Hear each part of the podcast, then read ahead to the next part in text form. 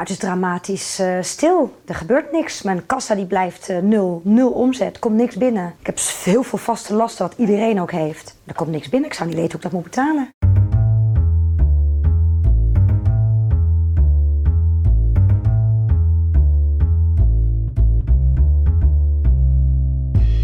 Je hoort het, het is stil en er gebeurt niks. Want zelfs nu maatregelen stukje bij beetje versoepeld worden en de maatschappij langzaamaan van het slot gaat, blijft de consument op zijn hoede. Inderdaad, we rennen met z'n allen massaal naar de kapper en de nagelstudio's draaien overuren. Maar de winkel, daar blijft het opvallend genoeg stil. We durven nog niet zo goed. En dus wenden we ons meer dan ooit tot het online winkelwagentje.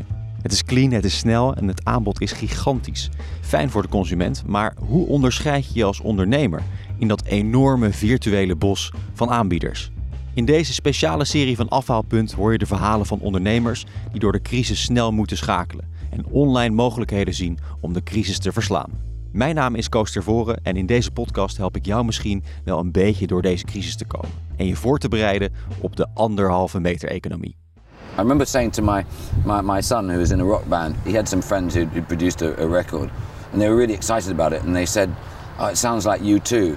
And I went, you guys don't understand the difference between being a hobbyist and a professional is you don't want to make a record that sounds like you too if you're a professional. Your record has got to be something that when the punters go into the shop, they want your record, not you two's, or as well as. Your own voice, your own tone is, is really crucial. Dat was Tim Smit, een bekende ondernemer aan de andere kant van het kanaal. Met een heel wijze les. Het is verleidelijk om net zo te zijn als de succesvolle ander, maar het geheim ligt hem juist in anders zijn, jezelf onderscheiden. Hoe doe je dat? Ik praat erover met Eduard Hogeboom, directeur Partner Services bij Bol.com. En ook praat ik met mijn podcastcollega Frank Romer, die een aantal leuke voorbeelden heeft gevonden van ondernemers die in deze crisis een creatief idee hebben bedacht om een product aan de man te brengen. Maar eerst reis ik af naar het Limburgse Venlo, waar ik langs ga bij Rachel Marks. Zij runt De Kleine Lama, een webshop met gifvrije producten voor moeders en hun kinderen. Heel veel invloed volgens mij. Even radio uit. Nou, dat klinkt wel als iemand die zich weet te onderscheiden, zou je zeggen. Zo vaak kom je dat niet tegen dat producten als gifvrij worden aangemerkt. Met de stelling in het nieuwe steunpakket moet de ontslagboete blijven gelden.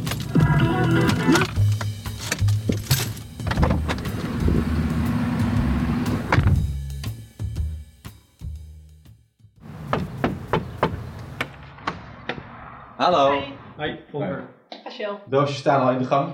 Ja, ja, dit is de eerste lading. We zijn gisteren alvast begonnen met inpakken. Oké, ja. Wie Dat pakt erin? Jullie zijn met z'n tweeën, toch? Ja. ja, ik doe meestal het orderpick en hij doet het inpakken. Rachel runt de webshop samen met haar partner Volker. Zij is het gezicht van de onderneming en doet de orderpick. En hij is verantwoordelijk voor het inpakken. En ja, daar moet je niet te lichtzinnig over denken. Dat merk ik als ik met Rachel naar de zolder van hun huis ga. Kijk, hij met deze trap. Hij is een beetje glad. Oh ja, ja. Zo ziet het er zo'n beetje uit. ja. Hoe, hoeveel vierkante meter is dit? Dit is gewoon eigenlijk de oppervlakte van het hele huis, hè. Kan ik eens zien wat, er- wat er in die eh, pakketjes eh, zitten? Dit is eh, houten speelgoed. Oh ja. Dit zijn dan allemaal houten, ja, wat zijn het, soort van bakjes. Wat, eh, en, en dan kan je, wat kan je ermee? Het mooie is hè, dat eh, heel veel speelgoed heeft een hele duidelijke functie en dit niet. Dus kinderen kunnen dan hun eigen fantasie erin kwijt en daar zelf iets mee gaan verzinnen. Oké, dus dan kunnen ze er zelf iets in stoppen of Ja, ja of ja, stapelen. stapelen inderdaad, mee rollen, dingen erin stoppen. Eh, je kunt van alles mee verzinnen. En dat is het mooie juist van dit speelgoed. Dat is het mooie van het speelgoed, maar toch is dat niet dé eigenschap waarmee de producten van Rachel zich onderscheiden. Dat zit hem in het gebrek aan gif. Maar betekent dat dat in normale bakjes waar kinderen mee spelen, dat daar gif in zit? Of?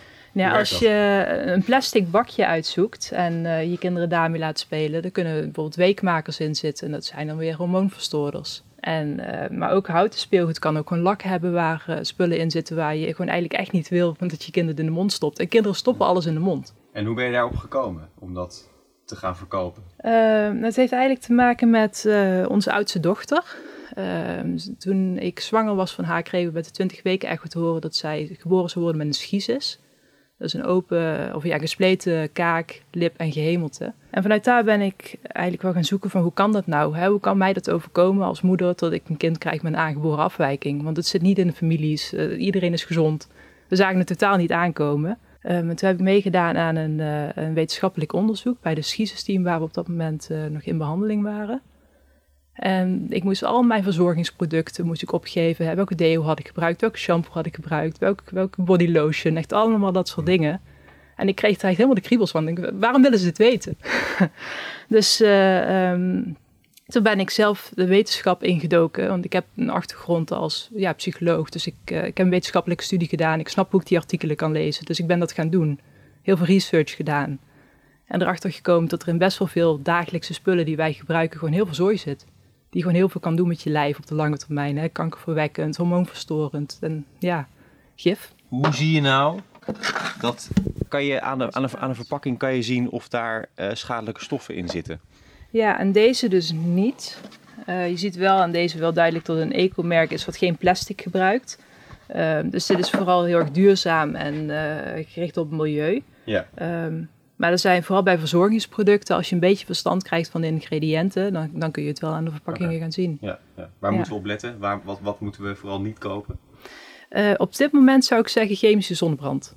Want in de chemische zonnebrandproducten, ze zijn heel fijn, ze trekken in en ze trekken ook heel goed in. Hè? Echt ja. gewoon diep je lijf in. Te goed. Te goed. En dat uh, trekt zo je, echt je systeem in. En daar zitten dus heel veel hormoonverstoorders in. Voor Rachel zijn gifvrije artikelen dus heel belangrijk. En blijkbaar voor heel veel andere mensen ook. Want ze moeten gaan verhuizen om alle pakketjes kwijt te kunnen. Toch valt er nog veel te winnen. Maar alsnog zijn er heel veel dingen. Er wordt heel veel gelobbyd natuurlijk ook om dingen er toch gewoon doorheen te krijgen. En uh, we zijn helemaal niet zo heel goed beschermd. Dus, mensen, dus er is een hele grote groep mensen die denkt van ja, het zal allemaal wel. Ik woon in Nederland, alles wat ik in de winkel koop is goed. Maar er zijn gelukkig ook wel steeds meer mensen die beseffen dat het allemaal niet zo goed is en dat er uh, ook alternatieven zijn. Er zijn er zelfs zoveel dat jullie uh, moeten gaan verhuizen omdat jullie te weinig ruimte hebben. Ja, ja, ja inderdaad. ja, ik ben iets te ambitieus geweest, denk ik. ja. En dat is alleen maar een goed teken, toch? Ja, ja. ja zeker. De kleine lama weet zich duidelijk te onderscheiden. Ze hebben een duidelijk unique selling point. Producten zonder gif. Maar er zijn natuurlijk andere manieren om je te onderscheiden van al die online winkels die een vergelijkbaar product verkopen. Volgens Eduard Hogeboom, directeur Partner Services bij bol.com, kun je twee kanten op. Of je hebt een product waar je, die uniek is. En waar dus ook de enige van bent die dat in die vorm uh, kan, uh, kan verkopen. Dat is vaak het mooiste, want ja, dan heb je iets wat alleen van jou is. En zolang er dan maar behoefte aan is, dan heb je redelijk vrij spel. De andere kant op is dat je iets verkoopt wat anderen ook verkopen. En dat er dus bijna per definitie concurrentie op zit, zeker op het internet.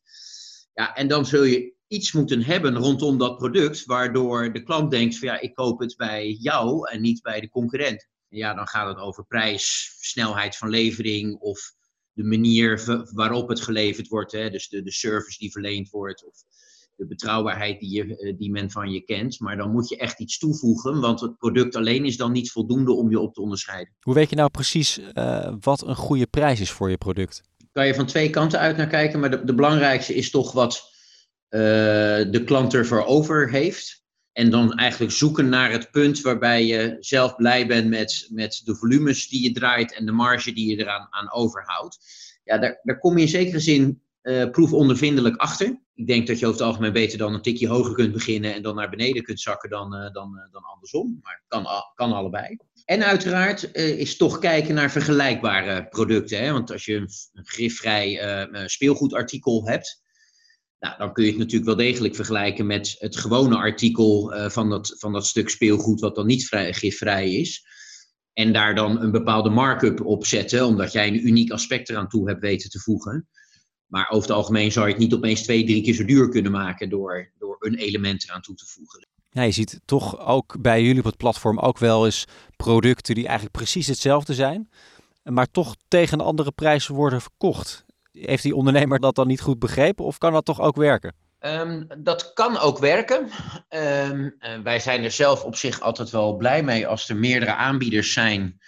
Uh, en in die zin dat ze elkaar dus een beetje scherp houden. En dat gaat niet alleen maar over, over prijs. Hè. Dat is uiteraard een, uh, een belangrijke. Daar kun je een onderscheid op maken. maar zoals ik in het begin ook al zei, hè, je kunt ook misschien een tikje duurder zijn, maar het compenseren op service. Dus nou ja, ik, ik verzin maar wat, je klantenservice of de manier waarop je je artikel verpakt, al dan niet met een leuk briefje erbij. Klanten hebben wel wat over voor service, in ieder geval een deel van de, van de klanten. En ja, daar, dat kan dan soms wat duurder zijn, terwijl een andere speler misschien juist voor prijs gaat, iets minder om service geeft. Maar ja, daar krijg je dan wel weer korting voor. En daar spreek je ander type klanten mee, uh, mee aan. Prijs en service, zo kun je dus ook onderscheidend zijn. Rachel, die met de kleine lama juist heel erg op onderscheidende producten zit, is vooral met de service bewust bezig. In het begin had ik niet zo heel erg een idee van wat ik aan het doen was, moet ik zeggen. Uh, maar uh, gaandeweg heb ik wel ontdekt dat als ik gewoon mezelf ben en het dicht bij mezelf hou en ook echt persoonlijk dingen vertel. Ik, ik, zie mijn klanten eigenlijk een beetje als vriendinnen. Dat helpt. En dat, dus ik neem ze mee in waarom ik bepaalde keuzes maak. En, en maar ook hè, dat we bijvoorbeeld gaan verhuizen, dat vertel ik ook. En dus ik neem ze daarin mee en ze worden enthousiast en ze kennen mij, ze kennen mijn verhaal. En dat, dat, dat, dat werkt heel goed. En, en hoe vertel je dat dan? Via social media of bel ja, op? Nee, ik bel ze niet op. Inderdaad, wel via social media. Ik gebruik uh, Facebook en Instagram. En ik stuur ook regelmatig een nieuwsbrief. Ook Volker, de man van Rachel, heeft zijn eigen ideeën over hoe je net een beetje extra kunt leveren aan de klant. Uh, als ze een bestelling hebben gedaan, dan krijgen ze een paar dagen later een welkomstmailtje. En dat is geen welkomstmailtje van, nou, uh, fijn dat je besteld hebt. Uh, hier heb je, misschien vind je dit ook leuk om te kopen. Nee, maar echt gewoon, dit zijn wij, dit, dit is de reden waarom we dit verkopen. En leuk dat je bij ons geshopt hebt. Nou, en we krijgen zo verschrikkelijk veel reacties op dat mailtje. Mensen die echt gewoon terugmailen. Van, wat leuk, wat fijn dat je me mailt. En nou, ik, ik weet niet hoe vaak jij een webshop terugmailt van een welkomstmailtje, maar ik doe dat nooit. Uh, maar heel veel mensen doen dat bij dit mailtje wel. Dus dat werkt echt uh, werkt heel goed. En als je dat dus doet, die service leveren met een uniek product, dan heb je ook wat meer ruimte met de prijs, blijkt. Ik ben wel duurder dan, een, uh, dan de supermarkt of een drogist. Of als je verzorgingsproducten in de supermarkt koopt, dat zijn toch vaak dingen die komen. ja, er zitten de allergoedkoopste chemische middelen in. Dus die zijn ook gewoon goedkoper om te maken. En er wordt natuurlijk een hele grote bulk ergens geproduceerd en mijn merken zijn kleiner. Ja. En dus het is ook duurder daardoor, maar het zijn wel eerlijke prijzen. Ja. En ik hou ook altijd de adviesprijs aan of ik ga er net een beetje onder zitten. Dus ik kijk wel een beetje naar wat de concurrentie doet, maar ik ga er niet boven zitten. We zijn ook heel duidelijk, we gaan niet concurreren op prijs. Als iemand anders hetzelfde product eh, veel goedkoper online zet, zo goedkoop dat wij denken, ja dat kan eigenlijk niet. Ja, dan, dan, dan gaan we daar niet, uh, gaan we niet voor concurreren. Nee. Denk je niet wel, uiteindelijk wil je natuurlijk ook zoveel mogelijk mensen met, met jullie product in aanraking uh, laten komen. Ja. Um, en heel veel mensen gaan toch altijd voor uh, de goedkope optie. Nee, het is geen overweging. Want ik denk uh, dat ik mezelf al onderscheid op het gebied van service, op het gebied van mijn kennis en, en de manier waarop ik dat deel. Dus ik hoef mezelf niet ook nog te gaan onderscheiden op prijs. En wat ik doe, heeft natuurlijk ook gewoon een prijskaartje. Ja, ik kan wel heel erg onder de prijs gaan zitten, maar we moeten ook gewoon het gezin draaiende kunnen houden. En dat lukt dus. Ze draaien hartstikke goed. Dat belooft een gouden toekomst. Maar wat zijn de plannen voor de komende jaren? Ik groei organisch, hè, dus ik laat het wel gewoon een beetje gebeuren zoals het gebeurt. Dus ik heb geen grootste plannen, want dan zou ik mezelf misschien ook wel voorbij gaan rennen. Het moet allemaal wel een beetje behapbaar blijven. maar straks met ons nieuwe huis en echt een bijgebouw wat ons magazijn wordt, hebben we wel waarschijnlijk veel meer ruimte voor nieuwe producten, nieuwe lijnen. En, dus daar heb ik al heel veel zin in. Volker, jij bent nu inpakker. Heb jij nog uh, ambities uh, binnen het bedrijf? Nou, ik zou het wel fijn vinden als ik uh, uiteindelijk een soort van opzichter van de inpakkers. warehouse manager. manager. Ja, ja, ja. Dat lijkt me wel mooi, ja. Dus de kleine lama gaat de prijzenstrijd niet aan. Rachel en Volker onderscheiden zich door hun product. Bijvoorbeeld met die mail die uitnodigt om te reageren, maar ook door het heel persoonlijk te maken. Door, zoals Rachel zegt, vriendinnen te worden met de klanten. Ook vertelde ze me dat ze ook wel eens een handgeschreven kaartje bij de producten sturen. Kijk, dan kun je dus een hogere prijs vragen. Eduard Hogeboom van Bol.com is het daarmee eens. Daar zit dan iets meer ruimte op. Uiteraard, de, de, de klant is niet gek, dus die, die heeft een bepaalde waardering voor dat unieke aspect wat, wat Rachel dan uh, bij haar artikelen biedt. En dat mag ook wat kosten.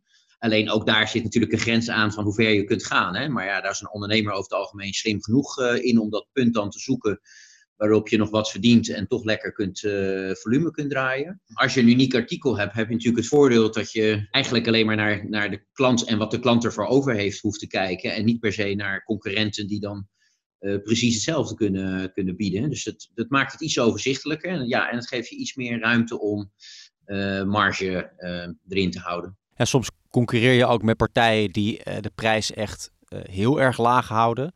Ja, hoe box je daar tegen op als je die strijd wil voeren met, met zo'n partij? Dat is niet altijd makkelijk, dat, dat mogen duidelijk zijn. Hè?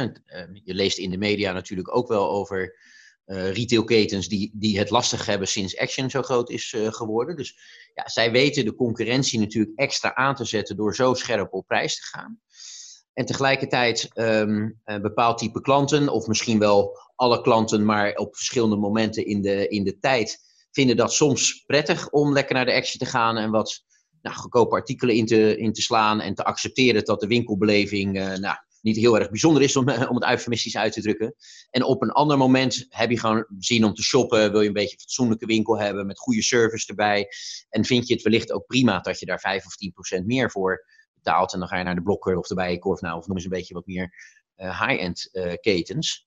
En dan is het ook nog, neem ik aan, sectorspecifiek of het mogelijk is om jezelf uh, te onderscheiden, ja of nee? Nou, waar het minder makkelijk is, is bijvoorbeeld toch wel in elektronica. Daar heb je over het algemeen te maken met, met fabrikanten die een bepaalde naam uh, hebben. En als je daarin wil handelen, dan, ja, dan is het aantal type uh, radio's of, of magnetrons of wat dan ook is toch ook wel beperkt. En ben je eigenlijk altijd wel in een concurrentiesituatie bezig. En nou, om het maar een beetje in de actualiteit te betrekken, um, is afgekondigd dat we hè, binnenkort weer mogen reizen in de, in de trein met wat grotere aantallen tegelijk, maar dat dat met mondkapjes moet gebeuren. Ja, dat trekt in één keer een hele markt open die amper bestond.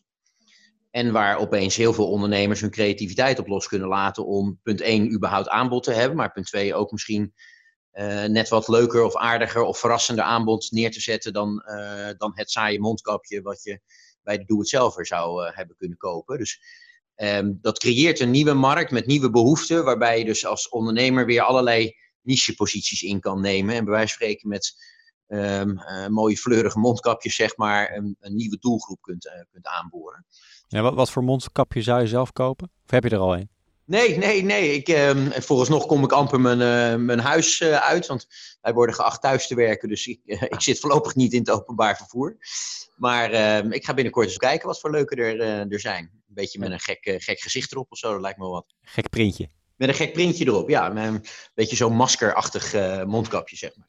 Ja. Als we dan toch al die lenden aan onszelf aan moeten doen, dan maar een leuk element erbij ja. bij kopen. Als je je dus niet weet te onderscheiden door prijs, service of je zit in de elektronica business, switch dan maar even snel naar mondkapjes met gekke printjes. Dan heb je in ieder geval met Eduard je eerste klant binnen. Dus snel die naaimachine van zolder halen en als de wieden weer gaan mondkapjes gaan knutselen. Maar er kan veel meer. Ondernemers hebben al bewezen razend creatief te worden in crisistijd. En mijn collega Frank heeft het wereldwijde web weer afgespeurd naar wat leuke voorbeelden. En Frank, ja, wat is volgens jou het product om je in deze tijden op te storten? Nou Koos, wat dacht je van containers? Containers? Ja, containers, weet je. En dan heb ik het niet over een standaard afvalbak, maar echt die serieuze units die je bijvoorbeeld kan gebruiken voor uh, bouwafval. Je kent ze wel, toch? Ja, zo'n ding dat een half jaar lang dan voor de stoep staat als de buurman heeft besloten zijn huis te gaan verbouwen. Ja, precies, die dingen. Nou, het bedrijf Container Services C Groeneboom uit Oosterhout, die handelt dus in, nou ja, de naam zegt het al, dit soort containers. En ze hebben een briljant idee, want uh, zoals je weet, de komende zomer gaan we natuurlijk massaal thuis blijven met z'n allen. Geen campingvakantie in Frankrijk. Maar ja, dat moet natuurlijk wel een beetje leuk worden bij ons. En dus bouwt het bedrijf de containers om tot zwembaden. Je zet hem zo in je tuin, er komt een ladder bij, klaar is Kees. En dan hoef je zo'n ding niet in te graven. Nee, en het leuke is, je hebt ook helemaal geen vergunning nodig om te plaatsen. Voor 2800 euro heb je zo'n containerzwembad en haal je meteen de zomer, de Riviera, naar je achtertuin. Het bedrijf laat weten dat er al een stuk of 10 van die containers zijn verkocht. Dat gaat hartstikke lekker. Maar wat als je nou uh, geen achtertuin hebt? Uh, ik woon bijvoorbeeld op twee hoog in Amsterdam. Dat gaat hem even niet worden. Nou, of je moet een heel groot balkon hebben natuurlijk. Uh, maar nee, gelukkig zijn natuurlijk allemaal andere initiatieven ter ontspanning voor de mensen zonder achtertuin, zoals jij de komende periode.